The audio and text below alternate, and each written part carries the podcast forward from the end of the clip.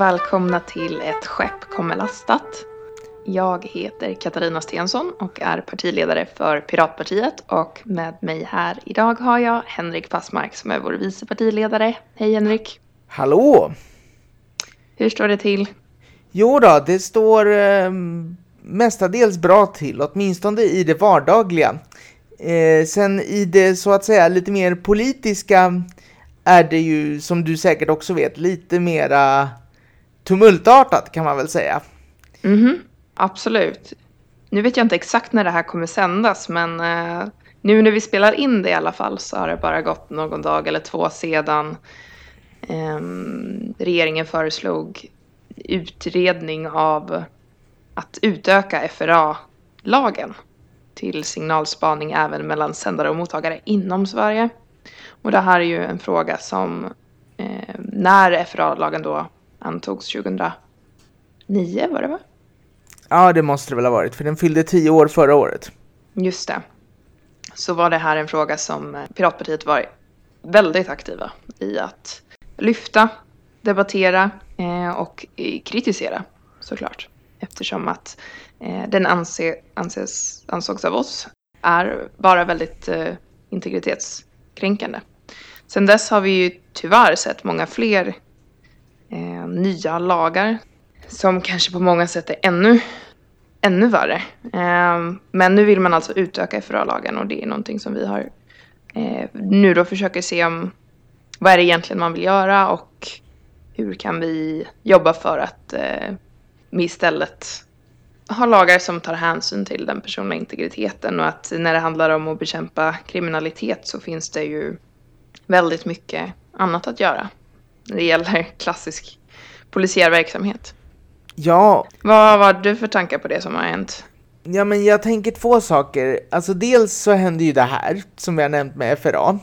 Och bara några dagar tidigare så gick ju då dels den här alliansen av underrättelsetjänster eh, som kallas för Five Eyes eh, backade då av tre samarbetspartners som de har ut och ville kräva av systemleverantörer till både meddelandetjänster och då säkert operativsystem också. Eh, då att de skulle installera bakdörrar i sin kryptering med argumentet att eh, kryptering och personlig integritet visserligen är central men att ingen av de här fenomenen får ske på bekostnad av mm, de här eh, myndigheternas förmåga att då bekämpa grov eller får man anta mindre grov brottslighet. Eh, och i samma, samma veva så dök det även upp flera förslag från EU-kommissionen som innebär olika typer av ingrepp i den personliga integriteten och allt det här har alltså skett inom en två veckors period. Mm. Eh, och en sak till, det har även kommit eh, föreslagit en utredning från regeringen med att se över eh, alla de här lagarna kring eh, hemliga tvångsmedel eh, faktiskt och se hur, hur de hur det kan I många fall vill man ju ja. utöka dem, eh, utöka möjligheterna att eh, använda hemliga tvångsmedel. Trots att det egentligen är ganska fritt i Sverige idag. Om man kollar på till exempel eh, hemlig dataavläsning som, eh, som innebär då att polisen ska kunna gå in i eh, och hacka telefoner till exempel. För att få, få reda på för att komma liksom en bakväg in och få tag på krypterad information till exempel. Eh, den, eh, den antogs ju här första april, eller den eh, gick i kraft första april och där har ju den svenska lagstiftningen mycket svagare skydd mot den personliga integriteten än vad motsvarande lagstiftning i till exempel Danmark och Norge har. Absolut. Jag, jag såg faktiskt också det där om den där utredningen och min första tanke var hur mycket mer, alltså vad kan de egentligen utöka? Mm. Jag, för för jag, jag har svårt att förstå, alltså nästa steg där känns ju nästan som att det är att man vill ha möjlighet att övervaka alla, alltid. Jag, jag, jag vet inte riktigt hur man skulle kunna mm. skruva upp den där ratten så mycket mer, vilket gjorde mig såklart djupt bekymrad. Men jag menar, ja. jag tror inte att det är någon slump att allt det här händer samtidigt. Alltså jag, jag, jag, jag menar inte att vara konspiratorisk, men jag tror ju att de här organisationerna som jobbar med de här metoderna, alltså de pratar ju med varandra. Mm. Igen, man behöver liksom inte gissa sig till att det här är någon, alltså man behöver inte se det här som någon konspiration, utan bara egentligen säkert se det som en produkt av att den här frågan lyfts i flera instanser samtidigt för att de instanserna pratar med varandra. Vilket också gör att det, Ja. att, för, för det, det känns som att det här är en del av en större surveillance-satsning liksom. Och som också tror jag har fått lite hjälp av pandemin tyvärr. Ja, tyvärr tror jag också det är så. Sen är det ju, alltså om man ser i Sverige just nu så är det väl ett bra läge för att det är mm, en hel del problem med eh, brottslighet, speciellt då gängkriminalitet som eh, Även om den totala brottsligheten i, brottsligheten i Sverige inte har gått upp så har vissa typer av brott gått upp. Och eh, det finns, det här pumpas ju ut hur mycket som helst så det är som att det finns en mer mottaglighet bland, bland folket att, att uh, vara tuffare i det läget. Så det är väl också en fråga om att de tajmar det. Men problemet är ju att det är ju inte så att även om det blir, även om det skulle bli bättre situation vad gäller kriminalitet och brottslighet senare så är det ju väldigt liten sannolikhet att man tar bort polisens eh, befogenheter. Det kommer inte att hända. Nej. Man, så de har, man har aldrig rullat tillbaka sådana här förändringar annat än under galgen. Och då menar jag till exempel då delvis det här som Edward, Edward Snowden belyste. Vilket ju faktiskt mm, man, en amerikansk domstol nu i dagarna konkluderade att det var olagligt det som NSA sysslar med. Och det är ju händelsevis ungefär det ungefär det som de sysslade med som man har gett uttryck för att man eh, vill ha laglig möjlighet att göra i Sverige. Ja, och det som ju är ännu mer intressant här skulle jag vilja säga vad gäller den här eh, domen i, i USA mot NSA är ju att det är ju inte bara så att man, man fann den eh, olaglig utan man fann den även, eller ska vi säga så här, amerikanska staten själva sa att den här lagen har inte varit, eller deras verksamhet har inte varit effektiv. Eh, alltså de har inte lyckats hitta några terrorister till exempel med hjälp av den, de här verktygen som de har använt. Så den har faktiskt inte gett något resultat. Och det tillsammans med till exempel en, en utredning som kom nu nyligen från EU-parlamentet kring effekterna av datalagring där de jämförde olika länder i EU som har eller har haft datalagring och de som inte har det och vad som har skett eh, när man har, när man har infört eller när man har tagit bort då. För vissa länder har ju haft datalagring men tagit bort den på grund av eh, att EU-domstolen fann det gå emot EUs e konstitution i princip. Och då kollade man på eh, Eh, uppklarningsgraden av brott. Alltså hur stor andel av eh, brott som begås eller anmäls i ett land som faktiskt klaras upp. Och om den har förändrats när man har infört datalagring eller när man har tagit bort datalagring och så. Och då kunde man ju se, man såg inga som helst effekter där av datalagringen. Nej. Man kunde inte se någonstans att det fanns någon typ av trend att mm, man hade fått varken mindre brott eller högre uppklarningsgrad tack vare datalagring. Utan i fallet Sverige så är det ju snarare tvärtom. Att sen man införde datalagringen 2011 så har uppklarningsgraden gått ner ganska kraftigt. Så att eh, det är ju en sak att Mikael Damberg står och säger att polisen behöver de här verktygen.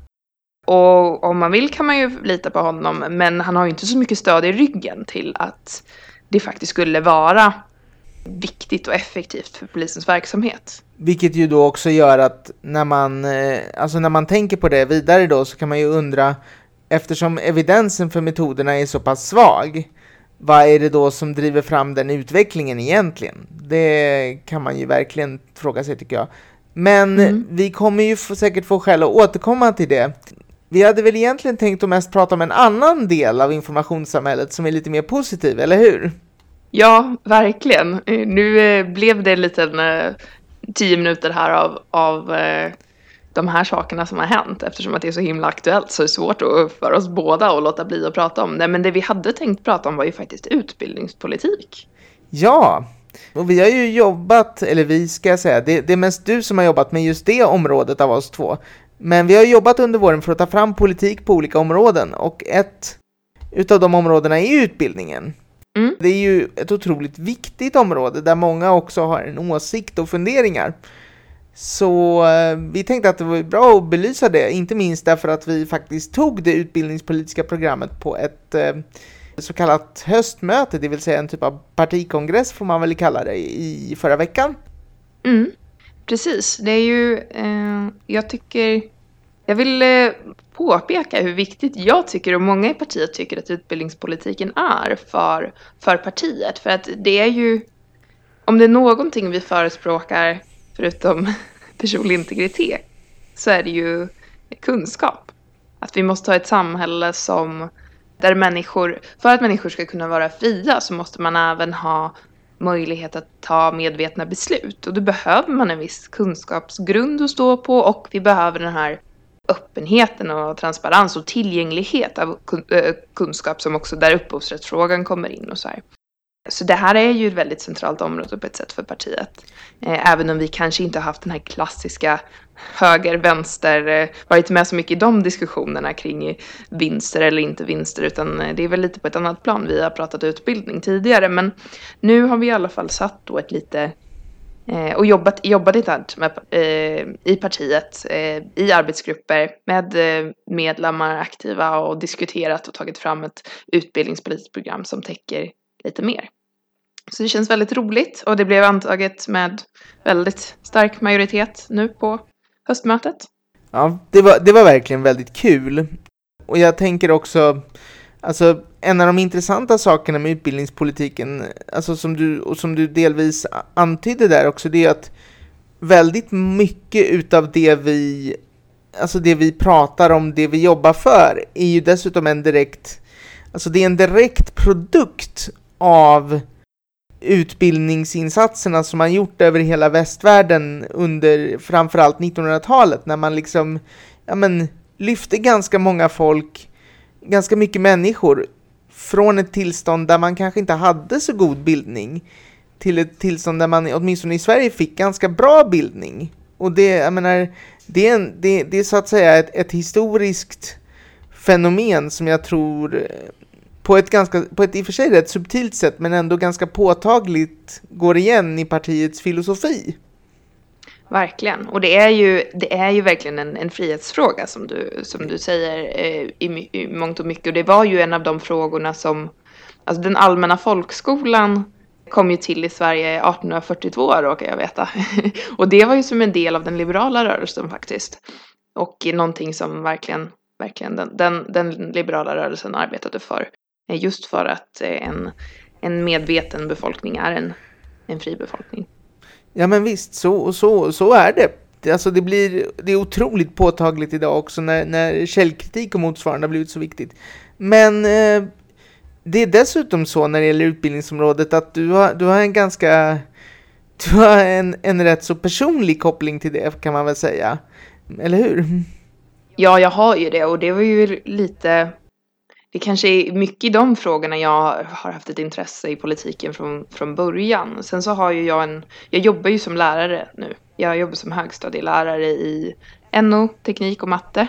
Ehm, har lärarexamen sedan inte så länge dock. Jag började min karriär som, som ingenjör och forskare. Jag är fysiker i grunden men valde att lämna forskningen och, och äh, börja undervisa för att det, är, det känns otroligt viktigt och det är också väldigt roligt tycker jag. Så att eh, det, det blev, jag hamnade här och trivs jättebra. Sen har jag också engagemang, så här, ideellt engagemang inom utbildningsområdet har jag haft tidigare. Eh, så att, eh, och nu känns det som jag bara radar upp massa saker om mig själv, men jag driver ju faktiskt även ett företag. Vi är inte verksamma mot, mot Sverige alls, utan mot utvecklingsländer och jobbar med, med utbildningsfrågor eller digital utbildning. Eh, för att förbättra möjligheterna eh, till, att lära sig läsa och skriva och räkna matte och så. Så att, där har jag ett väldigt starkt personligt intresse i frågan eller vad ska man säga? Stor, stor, det, är, det är väldigt viktigt för mig. Ja, och jag ska väl säga det att utbildning är väldigt viktigt för mig också. Inte minst därför att jag, jag kan ju själv liksom, om jag tittar på mitt livs historia, så finns det väldigt mycket väldigt många gånger som det liksom tagit en vändning till det bättre tack vare engagerade lärare. Mm. Jag har minst fem sådana på, otroligt påtagliga erfarenheter själv. Eh, och det har på något sätt gjort det väldigt tydligt för mig hur viktigt det är att vi har en fungerande skola som har en förmåga att lyfta människor från liksom, ja, ibland kanske framförallt de som inte är så bemedlade på olika sätt. Att, att lyfta dem in i, att ge dem en förmåga att, att leva i det moderna samhället. Mm. Ja men verkligen. Det är ju det, just, eh, just hur viktig lärare hur viktigt läraryrket är, hur viktigt lär, viktig lärarkåren är.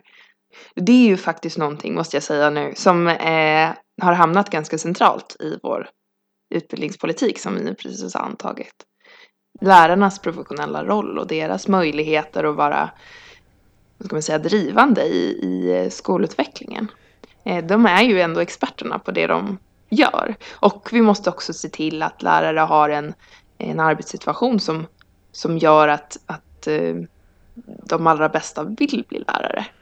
Att vi får in riktigt bra lärare i, på lärarutbildningarna och in i skolan. Så. Ja men exakt.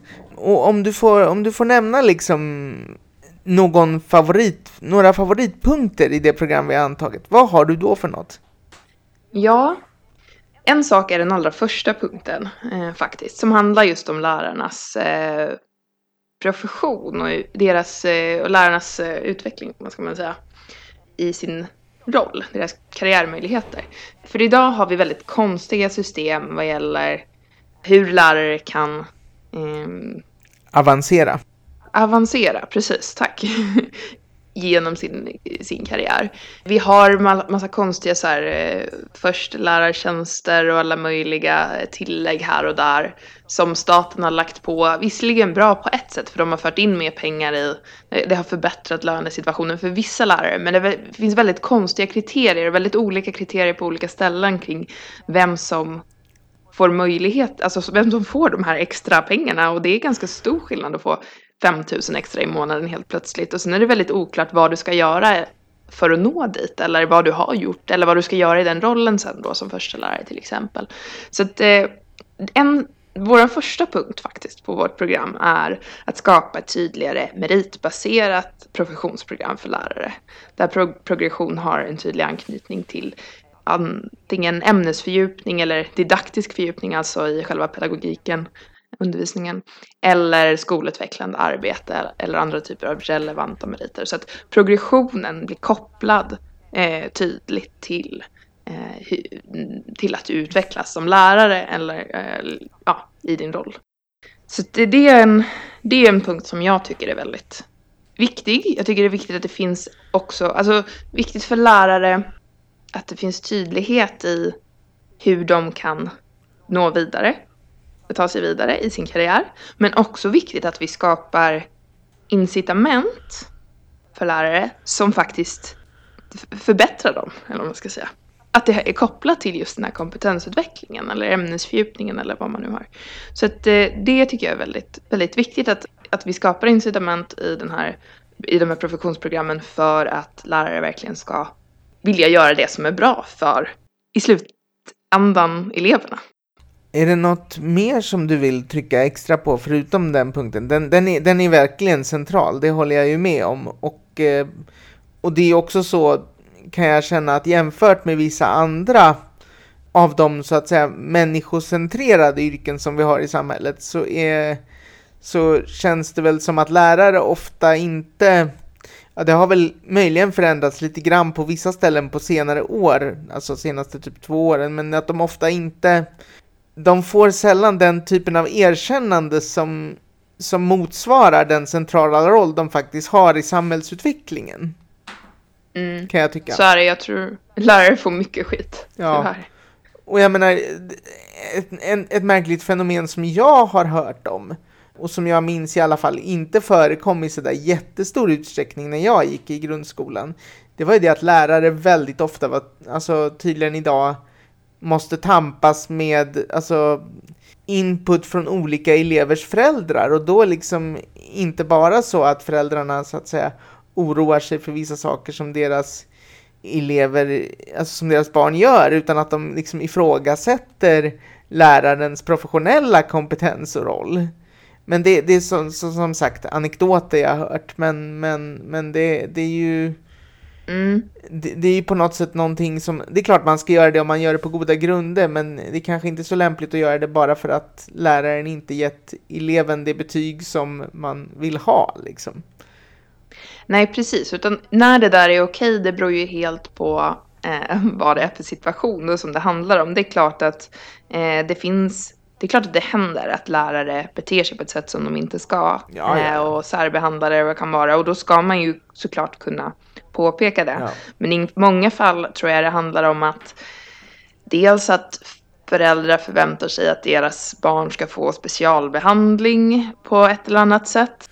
Eh, vilket skapar merarbete för, för läraren. Och i vissa fall är det ju berättigat att man ska få viss specialbehandling så att säga. Så om man har vissa, eh, ja, om man har någon neuropsykiatrisk eh, funktionsnedsättning eller vad det kan vara. Då ska man ju ha rätt till, till, till en del eh, speciell, ja, extra stöd liksom. Och det är ju naturligtvis jätteviktigt att man får det också.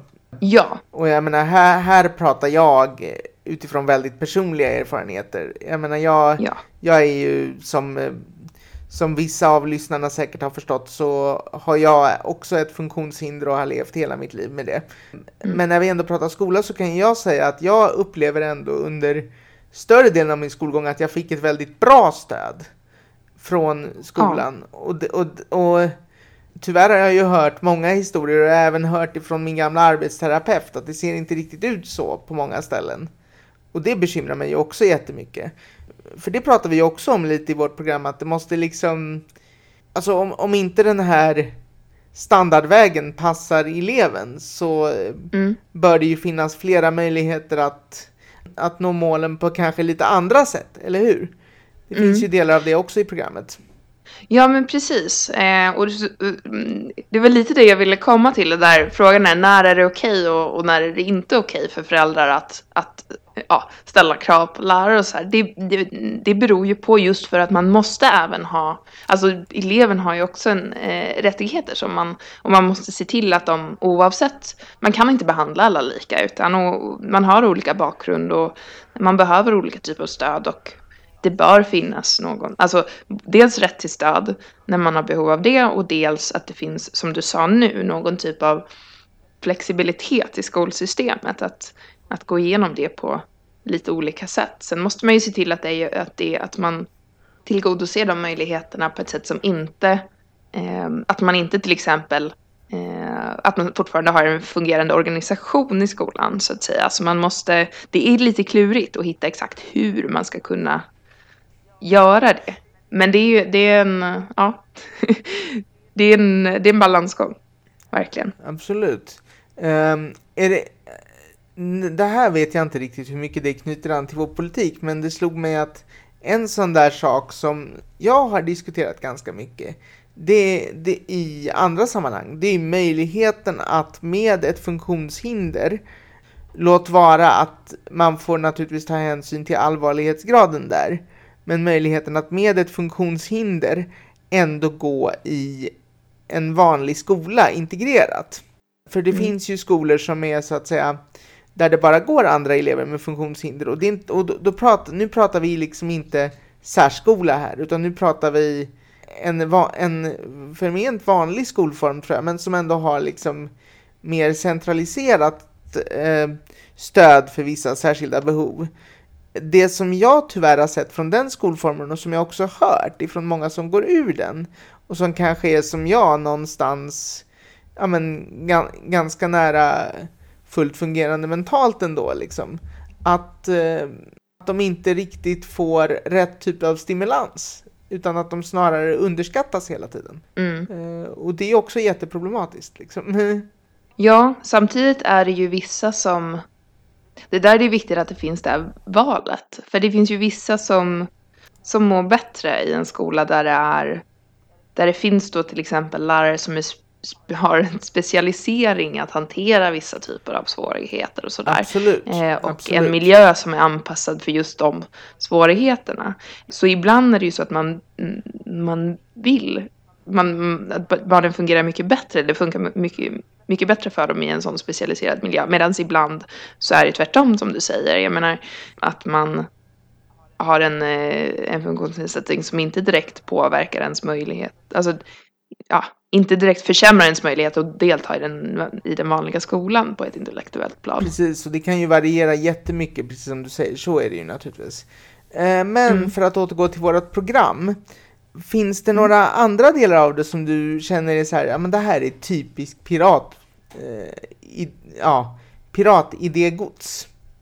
Ja, det finns det ju. Eh, jag vill, två saker jag skulle vilja lyfta. En sak kopplat till det här vi pratade lite, eller ja, det blir tre saker kopplat till det här vi pratade lite bara för att vara lite mer konkret eh, kring det här med flexibilitet i utvecklingssystemet. Till exempel då möjligheter att ta sig snabbt, även för de som har det då som har det lite extra lätt att kunna ta sig snabbare genom grund och gymnasieutbildning. Att man har någon, eh, några möjligheter till kunskapsprövning som gör att man kan eh, få en större flexibilitet där.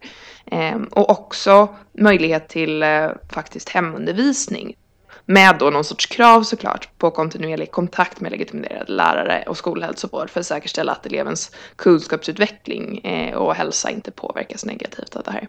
Så det är ju en, en liksom, lite konkreta exempel på det här, vad vi menar med liksom flexibilitet i skolsystemet.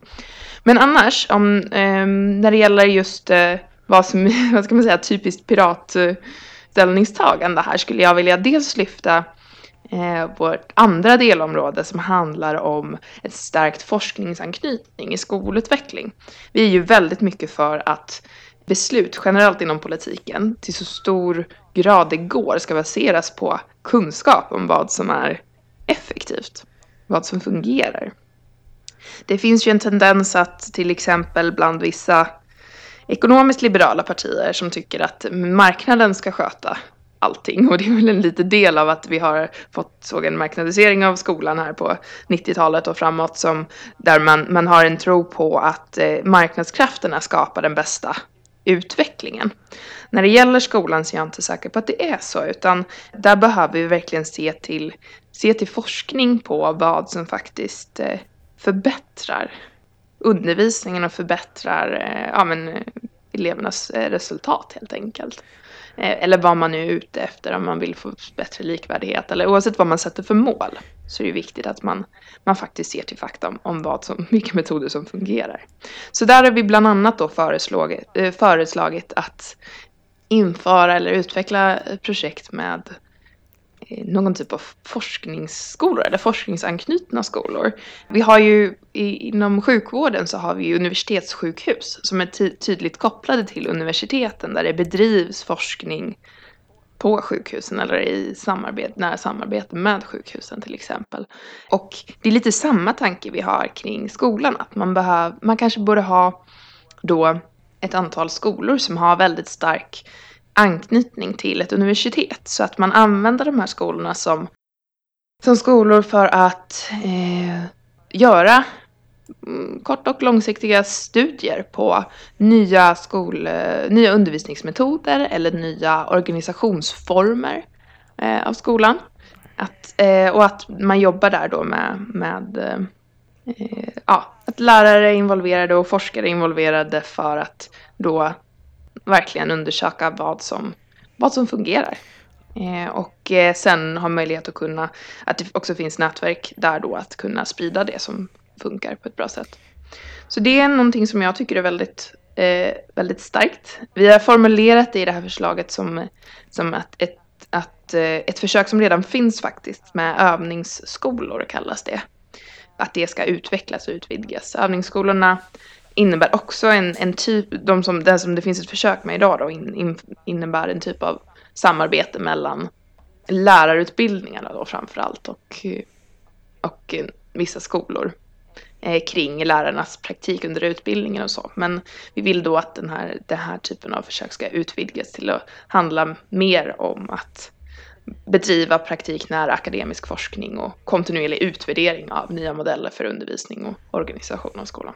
Det, jag, jag tror att det skulle vara väldigt bra, eh, för jag vet att jag, ut, utöver mitt engagemang i partiet så var jag även med och grundade en förening som heter Föreningen för evidensbaserad politik. Mm. Vi hade en person där som var väldigt engagerad i just eh, pedagogik. Han är lärare själv. Mm. Och han berättade för mig att givet hur stort skolområdet var så var det förvånansvärt svårt att hitta bra vetenskaplig litteratur som liksom, ja men som hade syftat till att faktiskt ta fram evidens för vad som fungerade. Mm. Och det, det tyckte jag var intressant och givet vad jag råkar veta om den här personen, jag har nämligen skapligt höga tankar om hans liksom, professionella integritet, så känner jag ju lite grann att om han var så pass bekymrad över det, då, då behövs det nog en, en liten förändring i synen på evidens inom pedagogiken. Mm. Ja, det är den, av den lilla erfarenhet jag har av, av eh, skolforskning så är det den uppfattning jag har fått också att det verkligen finns ett behov av det. Och det finns en hel del skolforskning idag som är teoretisk, alltså som mer handlar om lärandeteorier och inte har så stark förankring i empiri i den faktiska verksamheten. Så. Mm. Eh, sen finns det faktiskt en annan del utav vårt program, ja, jag tänker vi kan studsa till den nu, som också jag, som jag tycker är väldigt piratigt. Mm. Och det har ju att göra med diskussionen om utbildningsmaterial. Ja, Just det, och det var den sista jag hade tänkt, eh, tänkt ta upp, så det var bra, vi tänker lika. eh, absolut, och det är ju lite eh, då, vi kommer ju länka sen till vår politik så ni kan läsa hela såklart, men eh, jag tänker det är del tre du syftar på här, öppen kunskap, öppna läromedel, öppen mjukvara. Precis, precis, exakt. Och det är ju som du säger, det är ju väldigt piratigt. Eh, vi tycker ju att tillgång till till kunskap ska vara någonting som, som är för alla. Och att man inte låser in kunskap. Och vi, vi vill att skolan ska ha så bra möjligheter som, som det bara går att använda eh, Eh, den kunskap, den erfarenhet som finns i sin undervisning. Så att eh, där, eh, där har vi punkter som kopplar till det här. Och dels, inte bara, men dels till det du säger om, om vet jag, själva undervisnings, utbildningsmaterialet. Men även kring till exempel öppen mjukvara och sånt. Vad man använder för digitala tjänster och hur man kan göra dem bättre för skolan.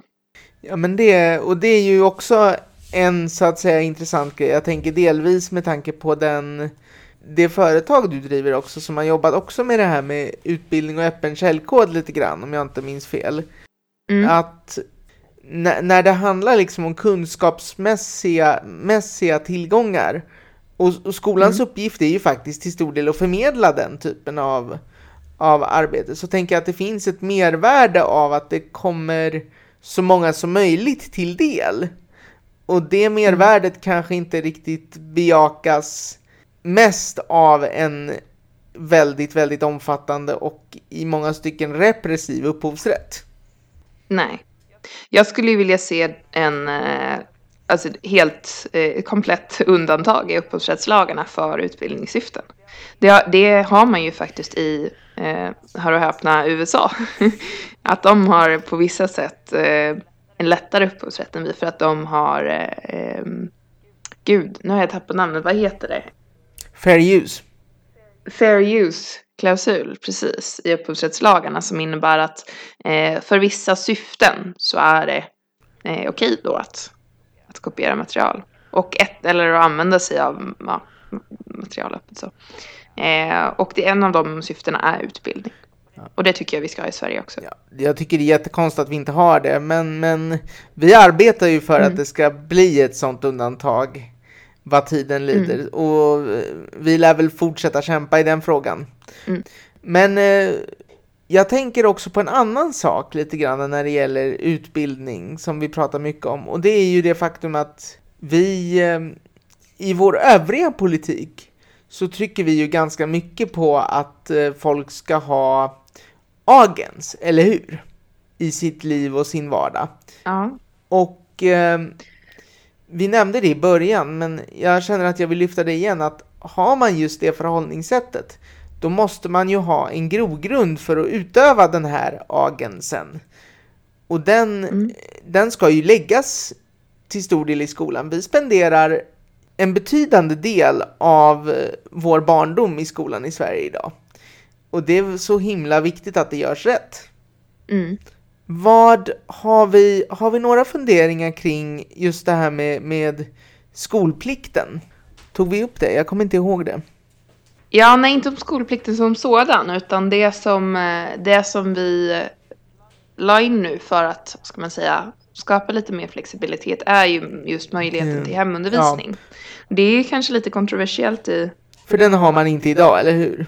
i Sverige. Nej, det har vi inte idag. Det finns ingen möjlighet att... Man måste sätta sin, sina barn i, i vanlig skola. Man får inte undervisa dem hemma även om man är... Än som man är lärare själv. Och eh, den närmaste orten där det här är lite annorlunda, det är väl typ Åland va?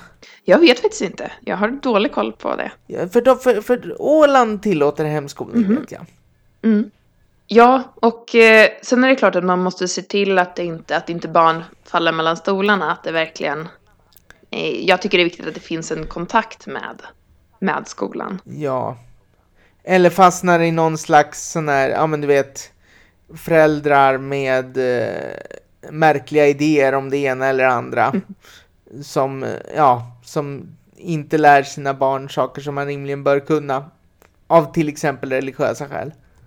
Ja, märkliga idéer kan man väl, eh, kan man väl få ha då, men det är, barnen ska ju ha möjlighet, de ska ju lära sig det som, man ska ju fortfarande följa läroplan, så att säga. Ja, ja, precis. Föräldrar, föräldrarna får tycka vad de Mm. vill, eh, men barnen ska ha med sig ett visst, ett, ett visst kunskapsgods när de går ut skolan. Sen får barnen naturligtvis också tycka vad de vill, men liksom, ja. Ja.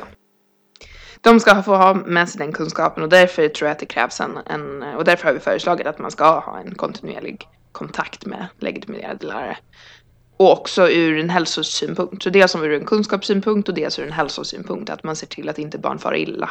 Då är det viktigt att ha en, en eh, kontakt med skolhälsa liksom. Mm. Vi har väl egentligen tagit upp eh, rätt många av de så att säga eh, mera karaktäristiska delarna av programmet. Mm. Jag tänkte bara en sak som kanske kunde vara bra att lyfta i och med att vi nämnde det här med marknadifieringen av skolan. Och tyvärr är det ju så att väldigt mycket diskussioner om skolan idag har liksom degenererat till att bara handla om friskolornas vara eller icke vara. Mm. Jag eh, tänkte på en sak när du sa det, när vi pratade om just det fenomenet. För som, som Mm. jag uppfattade så kommer ju både, både du och jag egentligen, kommer ju in, innan vi så att säga hittade dit vi hittade så har vi väl kanske en, en i mångt och mycket liberal bakgrund. Ja. Och på just synen på skolan som någonting eh, som kan vara marknadsutsatt. Det jag själv har funderat på är att en fungerande marknad, det förutsätter ju liksom att det finns ett val och ofta liksom att det finns någon slags val att helt välja bort produkten. Mm. Men det jag har funderat på spontant när det gäller utbildning är att efterfrågan ser liksom inte ut på ett sånt sätt riktigt.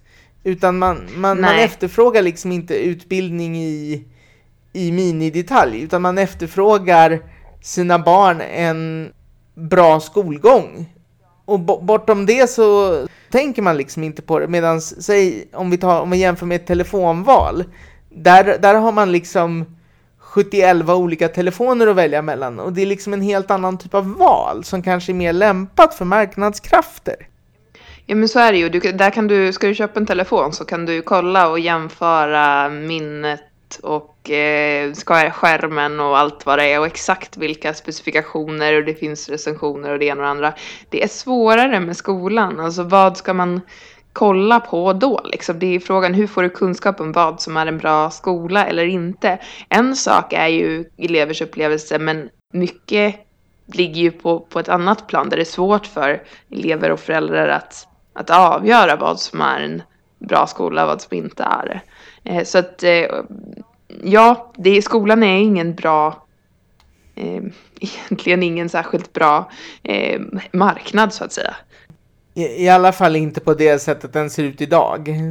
Nej, och jag har svårt att se att om, om det man vill är att uppnå någon typ av likvärdighet också, det vill säga att alla ska få möjlighet att få den här grundläggande goda utbildningen, då, då är det ingen marknad på det sättet. Alltså det är inte... Nej, det, blir en mark det blir en marknad på marginalen för att gr grunden ja. är så pass så att säga fastslagen. Mm. Men det, det finns säkert sätt att ge utrymme för någon typ av så att säga variation och ja, någonting ändå. Men, men så som det ser ut idag så känns det ibland i alla fall mm. som att marknaden mest består av så här kvasikonkurrens som egentligen inte är, alltså som egentligen inte handlar om de mekanismer man vill åt när man vill få marknadskrafterna att, att agera på ett positivt sätt. Nej, så är det ju. Och det, vi har faktiskt en punkt som, som kopplar lite till det här ekonomiska i vårt program och det är ju, handlar om logisk resurstilldelning som vi kallar det. Eh, och det handlar då om att idag så får ju kommunala skolor och friskolor en lika stor skolpeng, det vill säga en, eh, en viss summa per elev. Eh, och det eh, samtidigt som kommun, kommunala skolor har andra krav på sig än friskolor. De har högre krav på sig än friskolor. De måste lösa det, ska man säga. De måste erbjuda alla elever utbildning, eh, även i de fall när friskolor inte behöver det. Och, det är, eh, och de, har, de har vissa extra, extra uppdrag och extra krav på sig som bör eh, representeras i den ekonomiska resurstilldelningen då. Så det har vi med som en, eh, som en punkt också i vårt program. Ja, det, det är nog angeläget tror jag. För att alltså, jag har grubblat en del på det där. Som, som jag sa i början av programmet tror jag att jag, jag har ju en väldigt så att säga påtaglig relation till mina skolår i den meningen att jag, alltså jag hade verkligen inte varit den jag är idag. Jag hade inte suttit här om det inte vore för mm. skolans betydelse att ge mig en chans trots mitt funktionshinder. Mm. Och någonstans så, för mig då som frihetlig person, så blir mm. alltså det allt överskuggande viktigaste uppdraget blir att på något sätt se till att man ger så många människor det bara går en rimlig livschans, åtminstone ur ett kunskapsperspektiv. De andra faktorerna kan vara lite mm. svårt för skolan att kontrollera. Men det är på något sätt viktigare än att skolan ska agera på en marknad som kanske ändå inte funkar. Mm. Jag tror att man då, alltså det finns säkert som sagt andra kompromisser man kan göra mellan helt offentlig och delvis privatdriven verksamhet. Men så som det ser ut idag blir jag mer och mer tveksam ju mer jag hör. Ja, det finns mer, och, det finns mer att gröta i där. Verkligen. Vi får se eh, hur... Eh, det här programmet är ju som sagt eh, det är ju beslutat nu av våra medlemmar men det innebär ju inte att det inte kan utvecklas Nej.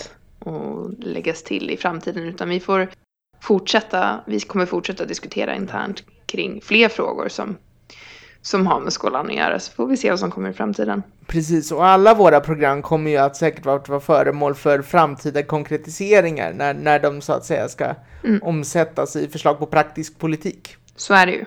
Nu börjar vi närma oss ett rimligt slut på det här programmet känner jag. Det har pågått lite längre än vad våra normala avsnitt är, men så började vi också med ett eh, på gång i världen 10 minuters sjok. Så är det. Och eh, det här är ju en, eh, en hel, vad ska man säga, en hel, ett helt politiskt område. Det är svårt att, att få ihop eh, en snabb, snabb diskussion om. Så nu blev det lite längre och då får det vara så. Ja, det tål ni, det tål ni säkert kära lyssnare tror jag. Det tror jag också. Och sen så, eh, ja, gå in på vår hemsida och läs mer om utbildningspolitiken så kan ni se hela programmet där. Eh, vi kommer länka till det här tillsammans med podden också. Och eh, ja, så får ni ställa frågor om ni har det. Om det är något vi var otydliga med eller något ni vill att vi tar upp igen och diskuterar mer på detaljnivå så är det såklart en möjlighet också. Precis. Då tycker jag att vi ror detta i land och tackar för oss. Yes. Tack så mycket Henrik och tack för er som, till er som lyssnar. Tack själv Katarina.